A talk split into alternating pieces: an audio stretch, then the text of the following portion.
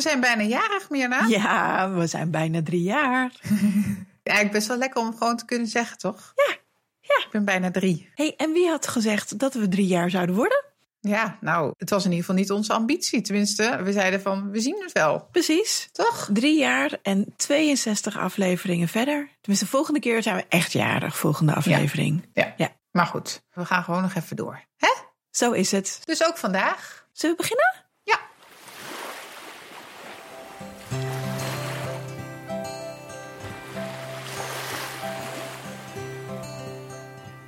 Welkom bij Verloskundig Baken, de podcast die een podium geeft aan innovatie en vernieuwing in de geboortezorg. Wij zijn Mirna Knol. En ik ben Kirsten Schatelier. En vandaag hebben we het over continuïteit van zorgverlener. Ja. En die staat al heel lang op ons wensenlijstje. Mhm. Eh, ja, maar we moesten daar natuurlijk ook een goede gast voorbij hebben. En het is een Ja. heel fluctuerend onderwerp. Ja, ja. Eh, want het wordt ontzettend vaak genoemd in capaciteitsvraagstukken. En hoe ver kan je door continuïteit van zorg verlenen in te voeren de druk op de tweede lijn kleiner maken? Hè, De minder verwijzingen Ja. of minder interventies in de tweede lijn. En dan heb je gewoon het minder druk. Maar is dat ook Ja. echt zo? En Ja, wat is continuïteit van zorg, zorgverlener, continue begeleiding? Er zijn zoveel begrippen die allemaal een beetje op elkaar lijken. Ja. Kan het ook in een grote verloskundige praktijk of in een ziekenhuis? Nou ja, we, we- er waren ontzettend veel vragen die Ja. bij ons opkwamen in ieder geval. Is het, is het nou hetzelfde als zeg maar caseload werken? Ja. Hè? Moet je per se caseload werken om continuïteit van zorg of van zorgverlener of continue begeleiding te geven? Nou, Ja. wij hebben Renate gevonden. Een gast die er van alles van weet. Ja, nou inderdaad. Renate Simmelink, dat is een eh, klinisch verloskundige. Zij heeft zich eh, ook toegerust op wetenschappelijk onderzoek. En in die hoedanigheid spreken wij haar vandaag over continuïteit van zorgverlener.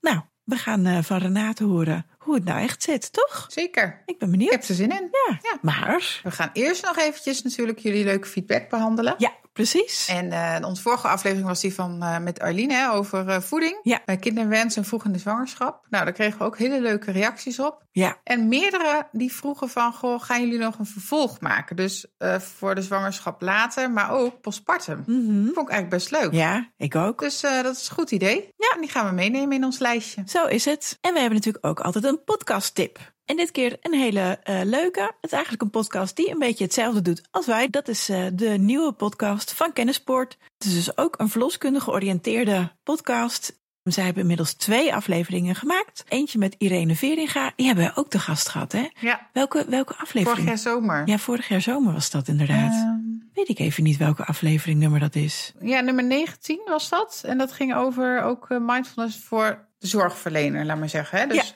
ook in je werk. Ja, ja. Die naam hadden we ook meegenomen toen. Ja, leuk. Ik ben heel benieuwd. Ja, en eh Marit van der Pijl over respectvolle geboortezorg. Ook een goed onderwerp. Dus ik ben heel Ja. benieuwd eh, ook. Nou, leuk. Hartstikke goed. Ehm, Ja, en dan, last but not least, hebben we ook weer heel veel donaties ontvangen. Of veel, ja. nou, we hebben echt een paar. we hebben echt wel weer wat meerdere donaties ontvangen. Ja, zeker. Dus, eh, maar goed, nooit genoeg natuurlijk. Daar kunnen we ook heel, heel, eh, dus heel veel is, is nooit genoeg. Dus. ja, toch? Dus wij willen heel graag eh, jullie vragen om ook die donatieklop te vinden. Kan via de website. Ja. Of via social media. Ja. En eh, ja, dat, zou, dat zullen wij heel fijn vinden. Ja, precies. Nou, Oké. en door.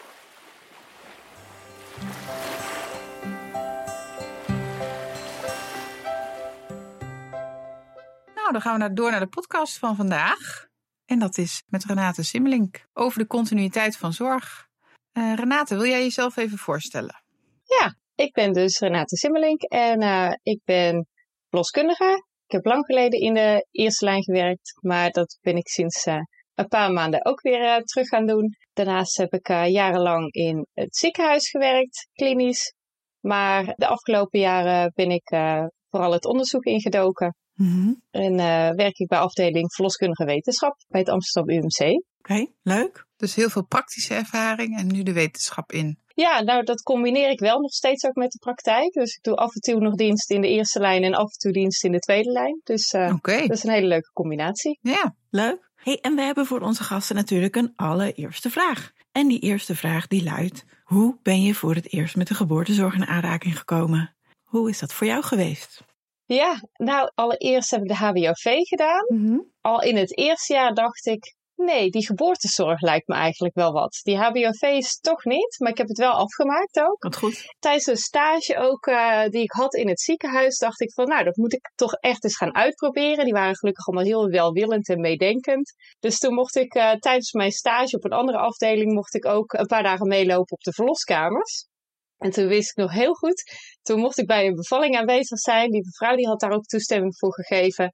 En ehm, die vrouw die lag op de rug, in de beensteunen. En ik Oh. stond echt aan het voeteneind. Nou, dat was de eerste bevalling die ik mocht aanschouwen. Dus ja, ik stond daar ook in een warme kamer, wat ik niet gewend was. En ik werd totaal niet lekker. Ja, we voelen hem aankomen. Ja. Precies. ik denk dat velen dat wel hebben gehad. En toen dacht ik echt, dus ik ben hier toch niet voor gemaakt. Misschien moet ik het toch maar niet gaan doen. Ah ja. Oh, Oh. ja. ja, ja. Maar het gebeurt gewoon. Dus eh, ik moest echt de kamer uit. Ik stond echt op het punt van flauwvallen. Ik zag echt zwarte vlekken. En toen eh, heb ik me toch even achter de oren gekrapt. Maar gelukkig daarna nog eh, een aantal eh, mooie bevallingen mee mogen maken. En eh, er toch in doorgegaan. Ja. Nou, gelukkig. ja, zo is het. Mooi. Dat het je niet afgeschrikt heeft. Ja, en gelukkig is dat dan dat beeld van op de rug in de beensteunen is dan misschien ook niet gelijk het meest leuke. Want dan ga je ook gelijk het medische stuk in, hè? Ja, precies. Nou ja, dat doe ik Ja. tegenwoordig ook wel heel anders, ja. Precies. Ja, eens ook. Maar leren hoe het niet moet is ook heel goed, hè? Ja, zeker. Absoluut. Maar er waren tijdens mijn opleiding ook echt diverse mensen die gewoon toch in hun eerste stages een keer flauw vielen. Ja, Ik weet helemaal niet of het er echt heel veel waren, maar eh, misschien eh, als er een oud-klasgenootje luistert, laat het vooral weten. Maar ik, ja, in mijn herinnering eh, kwam dat ook wel terug in het eerste jaar. Toch? Hebben jullie dat niet? Ja, maar dat komt ook omdat je dan vaak. Kijk, jij wordt gelijk in die setting. Dat zeg ik tegen mannen ook wel eens. Als je een beetje meegaat, Hmm. weet je dan hebben ze drie centimeter, vijf. En dan die kamer Ja, warmt ja. op, maar jij warmt ook op. En je gaat mee in het proces. En dan, dan is die geboorte daar. En dan.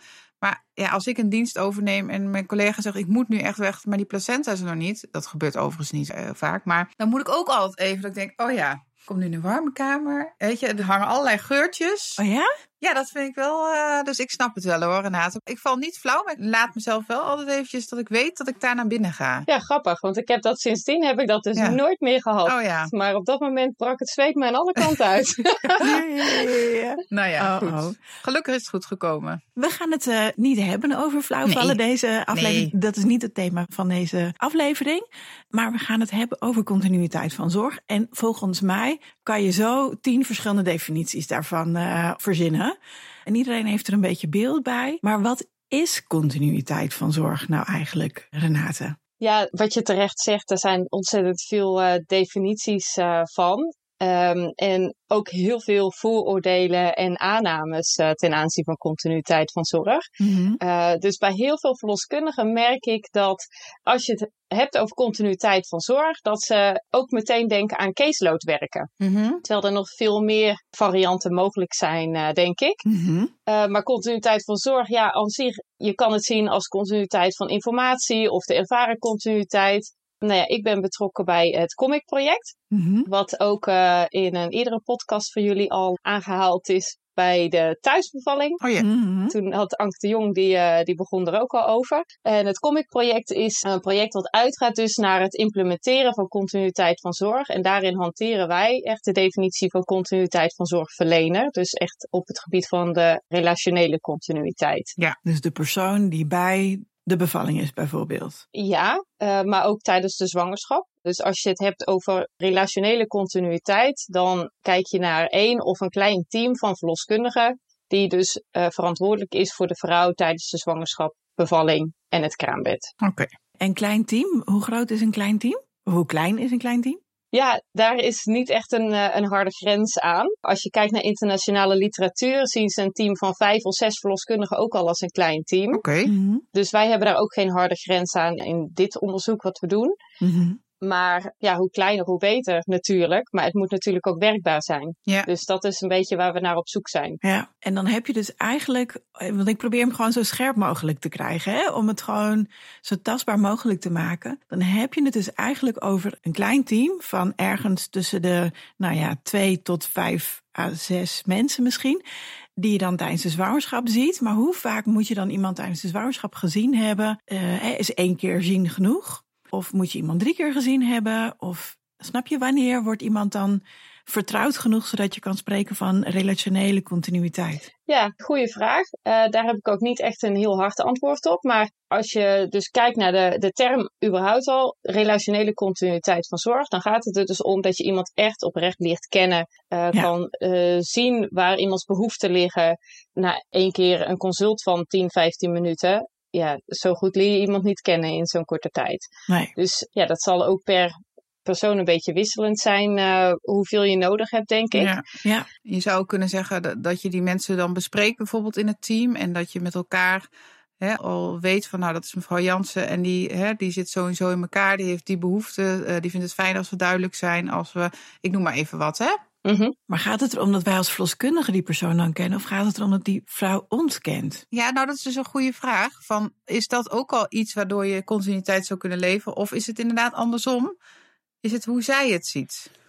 Nee, het gaat inderdaad om de wisselwerking. Dus dat je elkaar leert kennen. Dus zij leert de verloskundige kennen en de verloskundige leert de cliënt kennen. Ja, Anders okay. zit je inderdaad meer op het gebied van continuïteit van informatie. Want dat soort dingen Mm. kan je natuurlijk wel Ja. overdragen aan je collega's. Ja, En dat zou je ook over kunnen dragen naar bijvoorbeeld een uh, tweede lijn zorgverlener, mocht dat nodig zijn. ja, Ja, Maar ik heb bijvoorbeeld ook focusgroepen gehad met cliënten. En die gaven in die focusgroepen ook wel duidelijk aan. Sommige dingen kun je niet overdragen. nee. Dus als je Ja. iemand goed kent en iemand is aan het bevallen, Ja. dan kan je toch dingen eerder oppikken of signaleren Ja. uh, als iemand die je niet kent. ja. Nee, en als verloskundige wil je dan ook graag je cliënt kennen. Precies. Ja. Nee, dat snap ik. Ja, herken ik ook wel. Ja. Oké, dus eigenlijk komt het erop neer dat continuïteit van zorgverlener is in de situatie dat je iemand dus tijdens een zwangerschap hebt leren kennen, wederzijds hebt leren kennen, hè, dus zij jou, jij hun, op zo'n danige wijze dat iemand een soort van vertrouwd voelt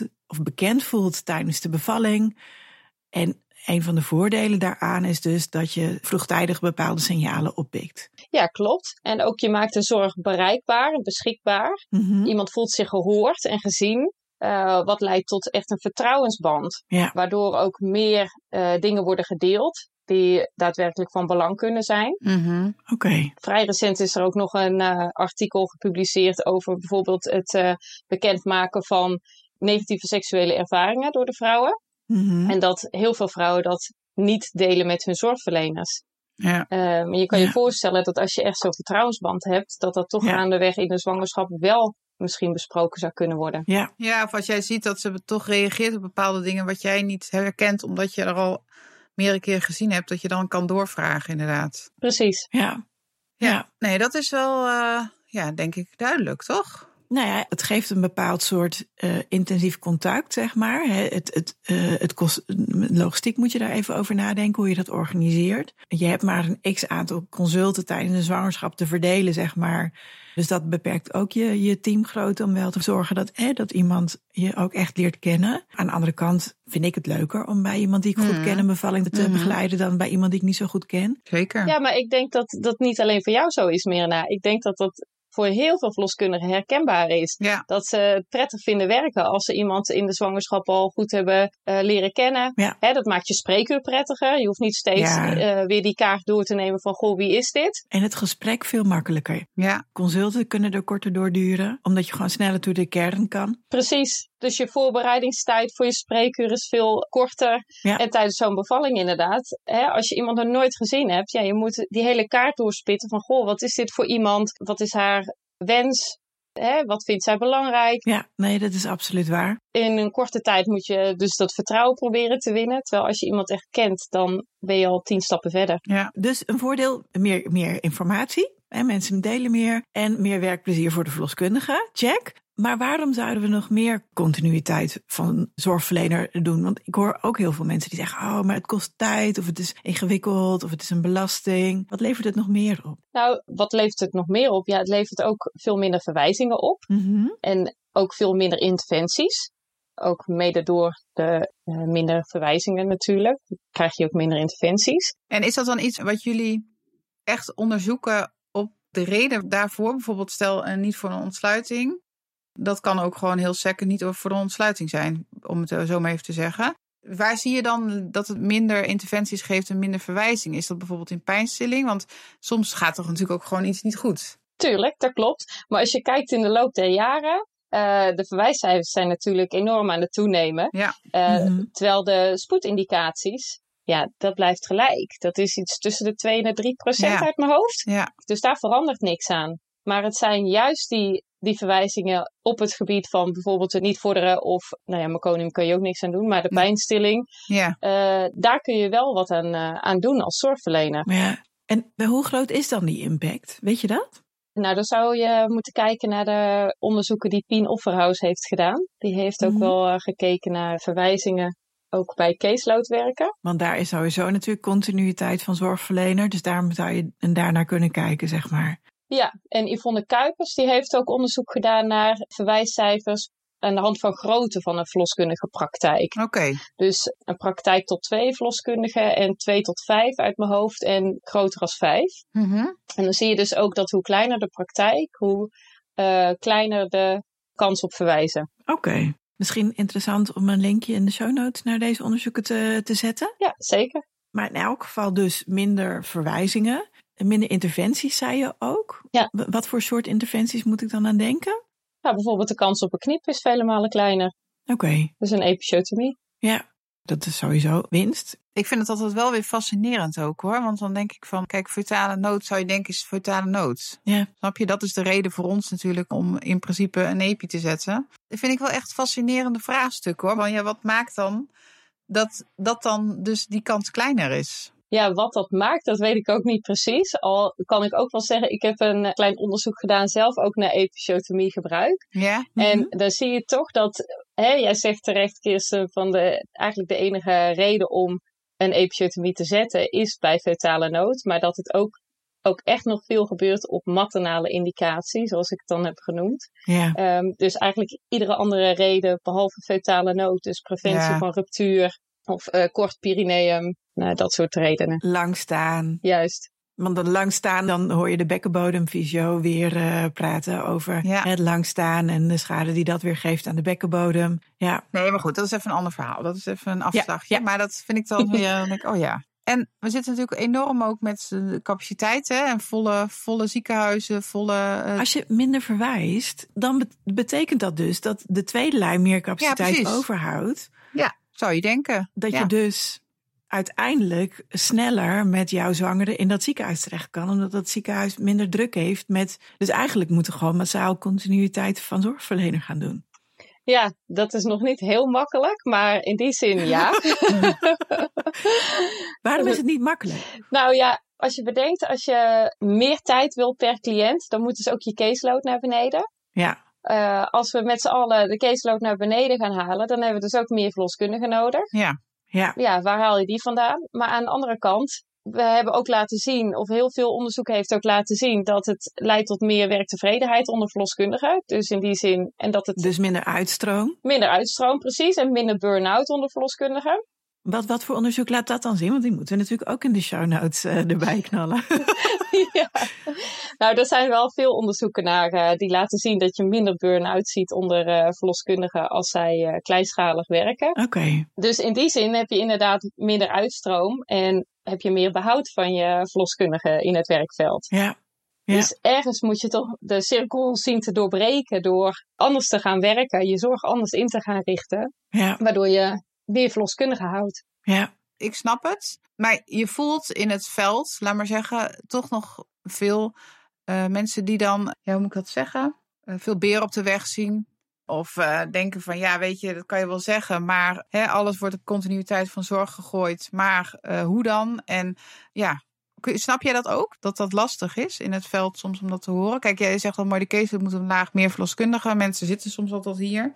Natuurlijk, werkplezier is super belangrijk. Maar eh, hoe gaan we dat op korte termijn? Nou ja, werkplezier is wel zodanig belangrijk dat je gewoon minder uitstroom hebt. Dus dat je meer verloskundigen houdt. Ja, maar dat heb je niet nu al. Nee. Snap je? Dus zal er een omslag moeten komen. Of is het een geleidelijke schouw? Ja, dat. Moeilijk, hè?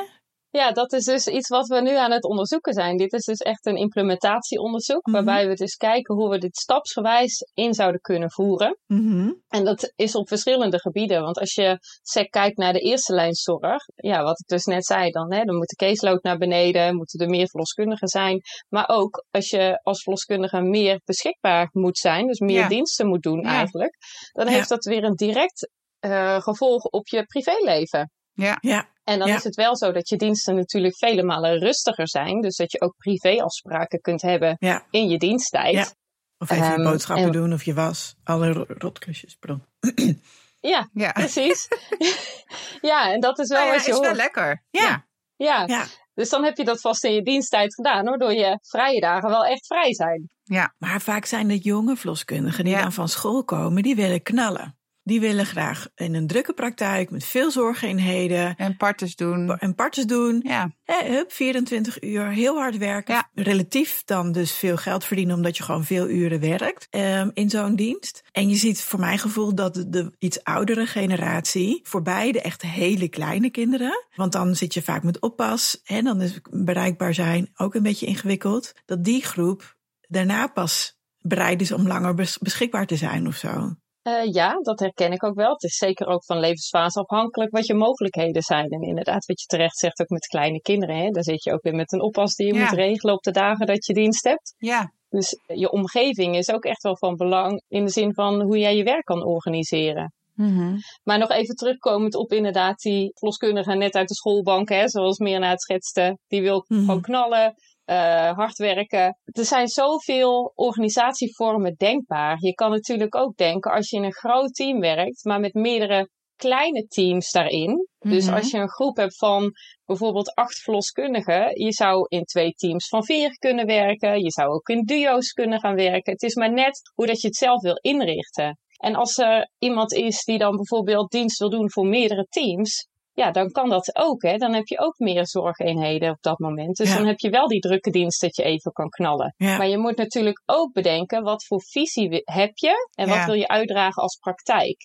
Want als je zo'n drukke dienst hebt, dan heb jij niet de tijd bij een eh, overdracht naar de tweede lijn om erbij te blijven. Is dat iets wat je belangrijk vindt als praktijk, ja of nee?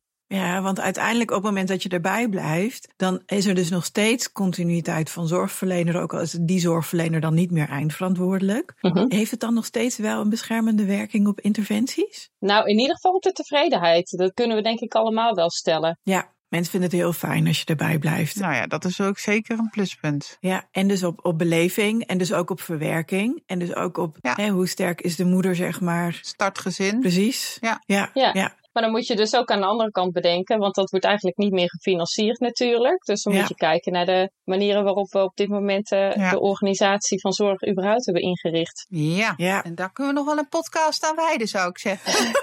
Hè? Maar goed, ehm, Maar dus even resume doen? ja, doe maar eventjes. Oké, dus eigenlijk komt het erop neer.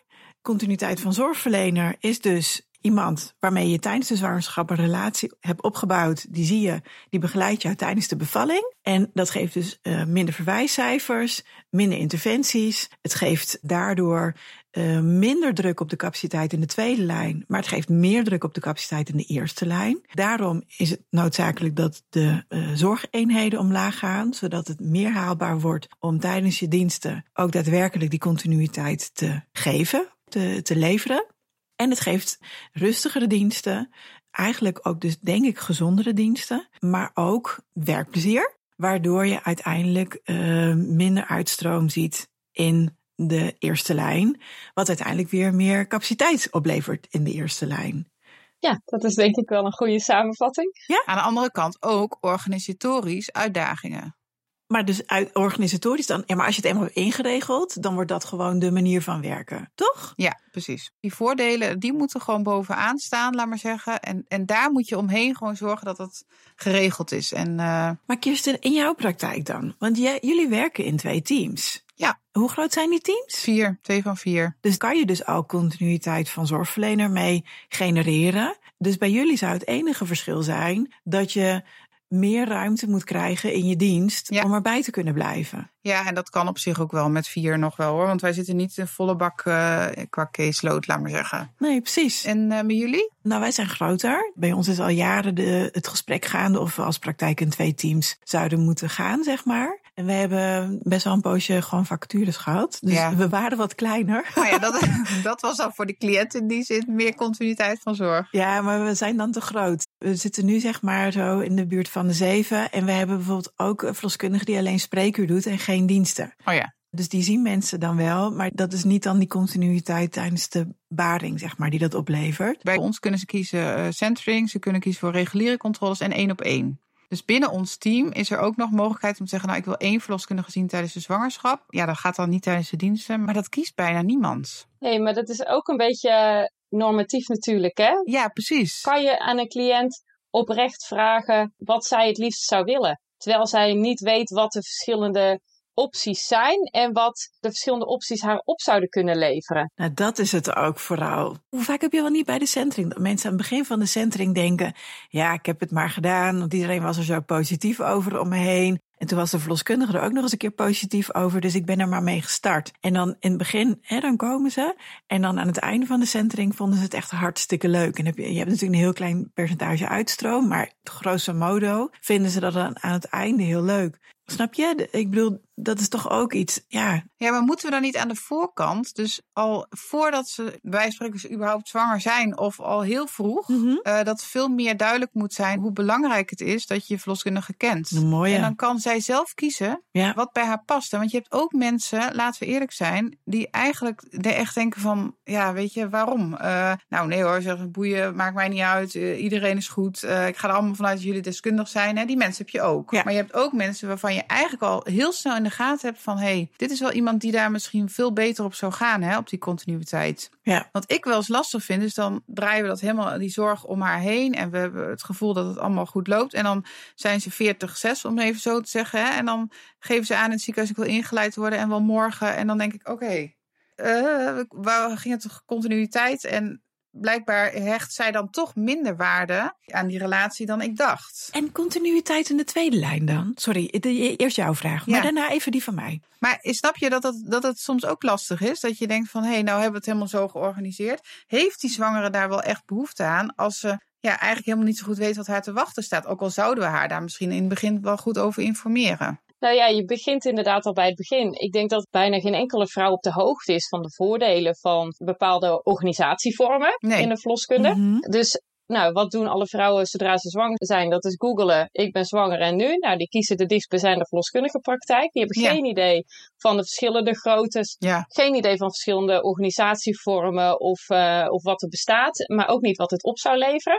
Maar wat me ook is opgevallen, is dat heel veel verloskundigen ook niet op de hoogte zijn van de voordelen van continuïteit van zorg. oké. Ja, En daar begint het denk ik al mee. Dus voorlichting van beide partijen. En als verloskundigen op de hoogte zijn van de voordelen, dan dwingt het ze ook om na te denken van, goh, hoe heb ik eigenlijk mijn zorg ingericht? Mhm. En hoe zou het anders kunnen? ja. Want sommige dingen zijn inderdaad ingewikkeld. Hè? Die hele opsomming die Mirna net gaf, dat geeft wel weer dat het eigenlijk een heel complex eh, geheel is.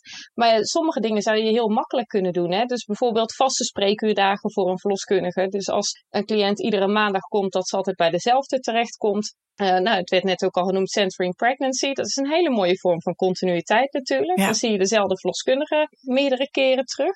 Maar dan is de kans dat je die verloskundige ook treft bij de bevalling. Als je een team van vier hebt, 25, ja. 25% kans. En dan heb je dus 75% kans dat je misschien iemand ziet die je alleen maar één of twee keer gezien hebt in de aterme periode of een keer bij de intake of zo. Ja, dat klopt. Maar ja, beter als helemaal niet gezien misschien. Ja. Ja, Nee, ja. precies. Ik vind het echt zo lastig, hè. Ik, ik zie echt heel veel voordelen, hoor. En ik weet het ook. En ik zit ook in mijn hoofd. En Maar ik voel ook aan de andere kant. Ja, maar die voordelen die we dus eigenlijk als eerste lijners ook. Want ik wil het zo nog ook even over de tweede lijn eh, hebben. Mhm. Maar eh, die we als eerste lijners dus scherp moeten hebben, is dus eigenlijk het voordeel van het werkplezier en de beleving van de bevalling die positiever is, gecombineerd met lagere verwijscijfers slash Ja. interventiecijfers. Precies. Ja. En hoe je dat dan gaat organiseren, dat moet, moet je dan inderdaad met elkaar. Ja, en daar zit gewoon een grote uitdaging. Ja. Want is het te organiseren in de tweede lijn? Ja, dat denk ik wel. Ehm, maar ja, dat ligt natuurlijk ook weer heel erg per ziekenhuis. Ehm, Mhm. Zelf heb ik ook jarenlang vaste spreekuurdag gehad in de tweede lijn. Dus iedere donderdag. Dus Oh ja. ik zag ook iedere keer dezelfde mensen terug. En ik plande dat ook zo dat ze steeds bij mij terugkwamen. Ja. Eh, maar dan is het net zo als wat je net zei. Hè? Ik ben dan niet degene die ook per se dienst heeft als ze dan daadwerkelijk gaan bevallen. Ja, Eh, ja. En natuurlijk is het wel zo dat als ik er ben en ik zie een bekende naam, dat je het dan altijd zo probeert te regelen van, dat, dat, dat ik dan ook degene ben die Ja. voor die vrouw gaat zorgen. Maar in een tweede lijn setting zou je natuurlijk ook in meerdere teams kunnen gaan werken. ja. Maar Ja. het is natuurlijk roostertechnisch wel een hele uitdaging, maar niet onmogelijk, denk ik. Nou ja, en, en het zal dan niet, niet 100% van de gevallen ehm, lukken om helemaal dat stuk vast te houden. Maar misschien wel bijvoorbeeld in 80% van de tijd. Maar ik denk ook meer na dat als mensen in het ziekenhuis komen, Ja? logisch eigenlijk dat niet iedereen eh, 24 uur per dag in dat ziekenhuis is. Eh, ik denk dat naar een verloskundige praktijk, dat is natuurlijk wat dat betreft wat laagdrempeliger. Dat moeten wij zelfs nog wel eens uitleggen van, joh, maar morgen ben ik vrij, dan, dan ben ik er niet. Ze denken eigenlijk al heel snel dat je er heel veel bent, dat je er altijd bent, dat het heel laagdrempelig is. Is de insteek dan ook voor die zwangere niet eh, dat ze het misschien meer verwacht en verlangt als ze het weet wat het is eh, bij een eerste lijn verloskundige dan bij de tweede lijn? Ja, Dat denk ik wel, maar ik denk dat, het- dat het hetzelfde oplevert. Ja, Ik zeker. bedoel, het gaat erom, losstaand van of je het wel of niet verwacht, of mag verwachten, of kan verwachten. Het heeft, denk ik, vermoed ik, dezelfde waarde in de tweede lijn. Ja, maar ik denk wel 90% van de zwangeren begint in de eerste lijn. Waarbij dus eh, ongeveer eh, 60% van de prima in ieder geval, eh, nou meer nog zelfs, 80, eh, uiteindelijk in die tweede lijn komt. Dus voor ons is er eigenlijk als eerste lijn heel veel winst ook te halen. En Ja. in, in, in, in, het, in die zin is het bij een tweede lijn, even los van het feit dat het ook heel goed zou zijn. Ja, De grote groep die pakken we natuurlijk eigenlijk van zwangeren als we het in de eerste lijn goed implementeren. dat denk ik ook. En ik snap ook wel dat je daarin eh, misschien keuzes moet maken, maar dat, ja, daarin denk ik niet dat de, de, Nee. ik denk dat de dialoog dan nog steeds ook gaande moet zijn in de tweede lijn. Wat wat is er haalbaar? Wat is Ja. er werkbaar? Ehm, wat zou het opleveren in de tweede lijn? Ja. Ik bedoel, ik ga niet over hoe het ziekenhuis zichzelf organiseert. Maar ik, nou ja, ik denk wel dat het interessant is om elkaar te prikkelen daar, eh, daarin. En ook een interessante, als we dan die vrouw van eh 40 plus 6 die ehm, de dag daarna eh, ingeleid wordt, Mhm. omdat ze bij 41 weken ingeleid wenste te worden. Ja. Hebben we daar dan als eerste lijn niet toch een rol in, in te vullen? Mhm. om wel die continuïteit van zorgverlening Ja. eh, te hanteren. En ontlasten we daar dan ook niet die tweede lijn al misschien deels mee, Ja. waardoor ook daarin de capaciteit in de tweede lijn hè, d- eh, groter wordt. Ja. Ja, Nou ja, als je het hebt over die vrouw van 40 plus 6 die ingeleid wil worden. Ik denk dat eh, daarachter altijd een andere vraag schuilt. Of een ander, ja, ik zou willen weten waar die vraag vandaan komt. Dat bedoel ik eigenlijk te zeggen. Eh, want als je iemand daadwerkelijk hebt leren kennen in de zwangerschap, kan het voor mijn gevoel niet out of the blue ineens op je dak vallen. Nee. Daar zit iets achter. Ja. Dus daar zou ik eerst nieuwsgierig naar zijn. En daar heb je dan meer tijd voor ook. Dus ja. Ja, precies. Maar wat je dus vaak ziet, is dat die consulten bij verloskundigen die kleinschaliger werken ook niet maar 10 of 15 minuten zijn. Over het algemeen is dat 20, misschien soms 30 minuten per consult. Dus dan heb je echt tijd om iemand te leren kennen. ja, En ik zeg niet dat dat de gouden standaard is en dat iedereen dat moet gaan doen. Maar het is denk ik goed om out of the box te gaan denken. Ja. Eh, en niet te gaan denken van, goh, dit heb ik altijd gezien in mijn stages of dit zie ik om me heen. Ja. Maar gaan kijken op wat voor manier je daar wel invulling aan zou kunnen geven. Een mooi voorbeeld daarvan is ook ehm Kairos. Dat is een nieuw collectief voor kleinschalige verloskunde. Mhm. En zij streven ernaar om een heel netwerk van caseload duo's eh, door Nederland op te zetten. ja, En dat is dan een duo-organisatievorm. Maar zo'n duo heeft dan ook weer een duo om op terug te vallen en als achterwacht. ja. En zo, als je daar een heel netwerk van op zou zetten, dan sta je er ook niet alleen voor. Hè? Want dat is wel vaak wat er ook wordt gedacht als je caseload werkt. ja. Dus als je op die manier probeert out of the box te denken, denk ik dat er heel veel mogelijk is. En dat er heel veel leuke initiatieven zouden, zouden kunnen komen, die niet alleen dienend zijn voor de cliënt en dus leiden tot betere uitkomsten, maar ook voor de verloskundige. Ja. Dus dat het werkplezier daadwerkelijk stijgt Ja. en eh, dat niet iedereen eraan onderdoor gaat omdat ze continu beschikbaar moeten zijn. Ja, precies. Ja. Nou ja, Maar goed, er zijn natuurlijk echt wel veel collega's die gewoon niet de ambitie hebben om caseload te werken. Maar eigenlijk hoor ik dus ook wel uh, dat dat mogelijk is. Dat je ook in een wat groter team toch die continuïteit van, van zorgverlening kunt, uh, kunt geven. Hey, en u bent dus eigenlijk aan het onderzoeken binnen het Comic-project hoe die implementatie dan vorm te geven. Ja, klopt. En dat doe ik dus Zowel op het gebied van de eerste lijn, dus binnen de eerste lijns praktijken, als dat ik kijk binnen face-face en zelfs face-face overstijgend. Mm-hmm. En dan kijk je meer naar uh, zorgverschuiving slash uh, taakuitbreiding van de eerste lijn. Mm-hmm. Dus dat je kijkt van hoe kunnen we er nou voor zorgen dat met een uh, verwijsindicatie, dat dan de eerste lijn toch nog de verantwoordelijke zorgverlener kan zijn, zodat je die continuïteit van zorg niet verliest. Oké. Oké. Ja. Dus daar kunnen we eigenlijk ook wel heel veel uithalen straks. Is wel de bedoeling, ja. wanneer, wanneer komen de resultaten? Um, nou ja, het is een actieonderzoek. Het is iets wat uh, continu doorloopt. Dus we zijn continu in beweging.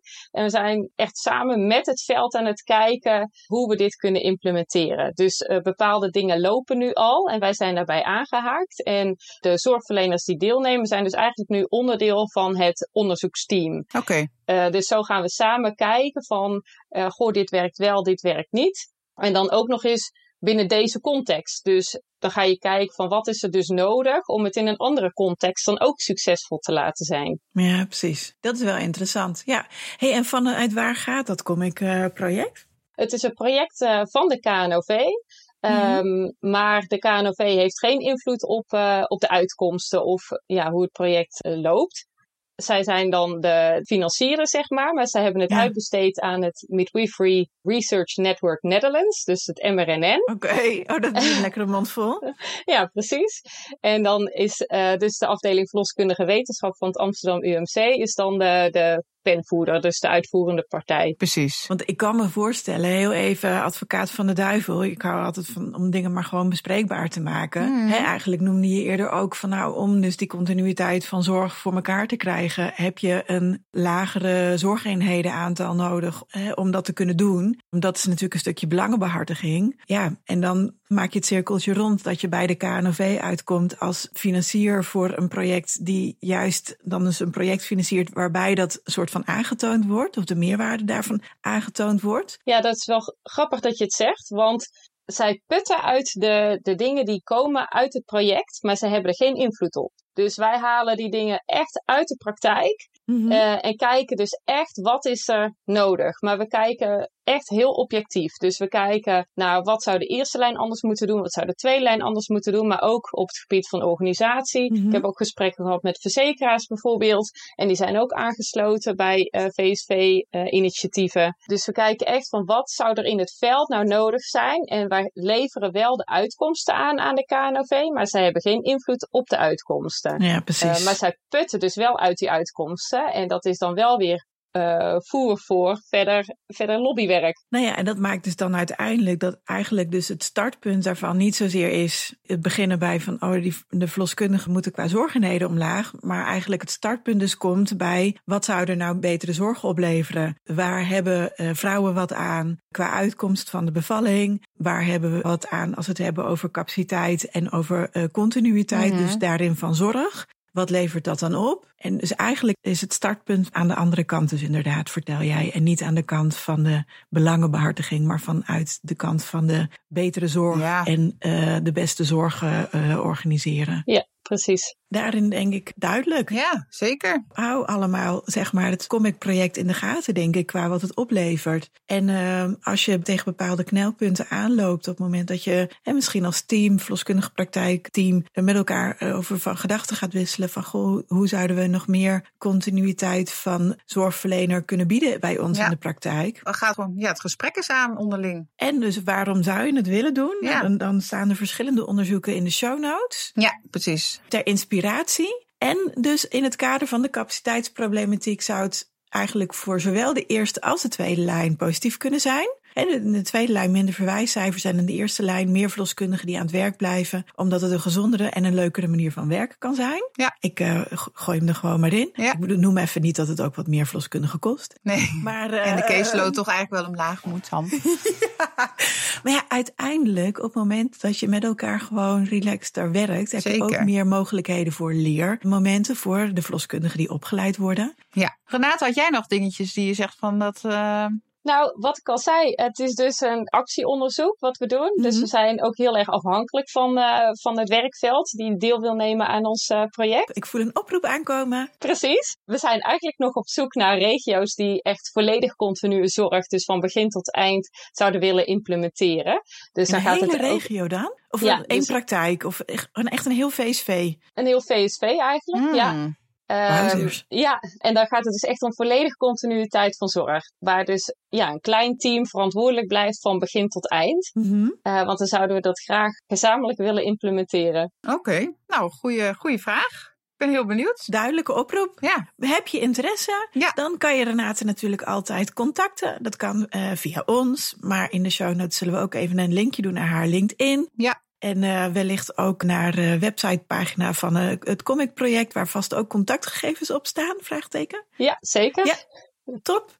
Nou, bij deze. Ja. Mooi. Die discussie blijft gewoon heerlijk. Uh, wij doen het met z'n drieën, maar het kan veel groter ook. En dat is leuk. Ja. Hè? Ik denk dat het goed is om een dialoog over te voeren met elkaar. Ja, precies. Dankjewel Renate voor je informatie. Ja, heel erg bedankt. Heel graag gedaan. Jullie bedankt dat jullie uh, aandacht wilden besteden aan dit onderwerp, wat denk ik heel belangrijk is. Ja, heel graag. Eens. Oké. Okay. Dank je. Doeg. Doeg.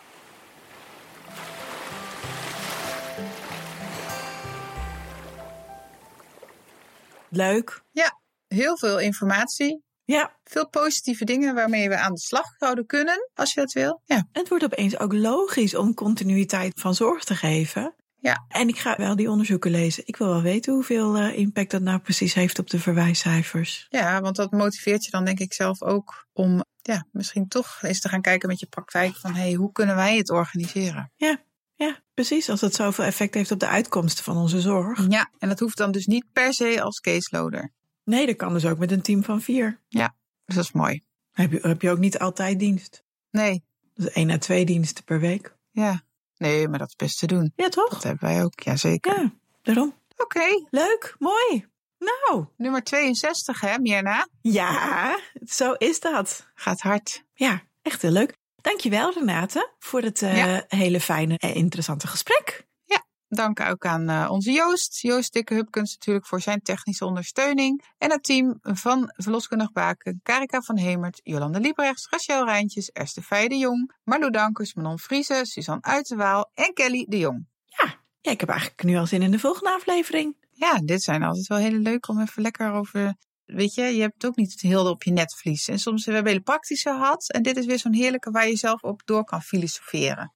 Precies. En kan kijken hoe je het zelf gaat doen. Ja. En laat het ons gerust ook weten. Ja. Via onze social media. Graag. Of via de website. Of via de e-mail. En we zitten op uh, nou, vrijwel alle social media kanalen. Maar je kan ons natuurlijk ook gewoon een e-mailtje sturen. En er wordt ook steeds vaker gedaan. Dus dat is wel echt leuk hoor. Ja, precies. Info Nou ja, het mooiste zou zijn als je naast een mailtje of een reactie er ook nog een financiële bijdrage aan koppelt. Ja. Dat maakt dat wij dan weer uh, daarmee door kunnen gaan. Zo is het, precies. Via petjeaf.com of via onze website ja. met de donatieknop. Oké. Okay. Nou, dankjewel voor het luisteren. Ja, zeker. En tot over twee weken weer. Tot over twee weken.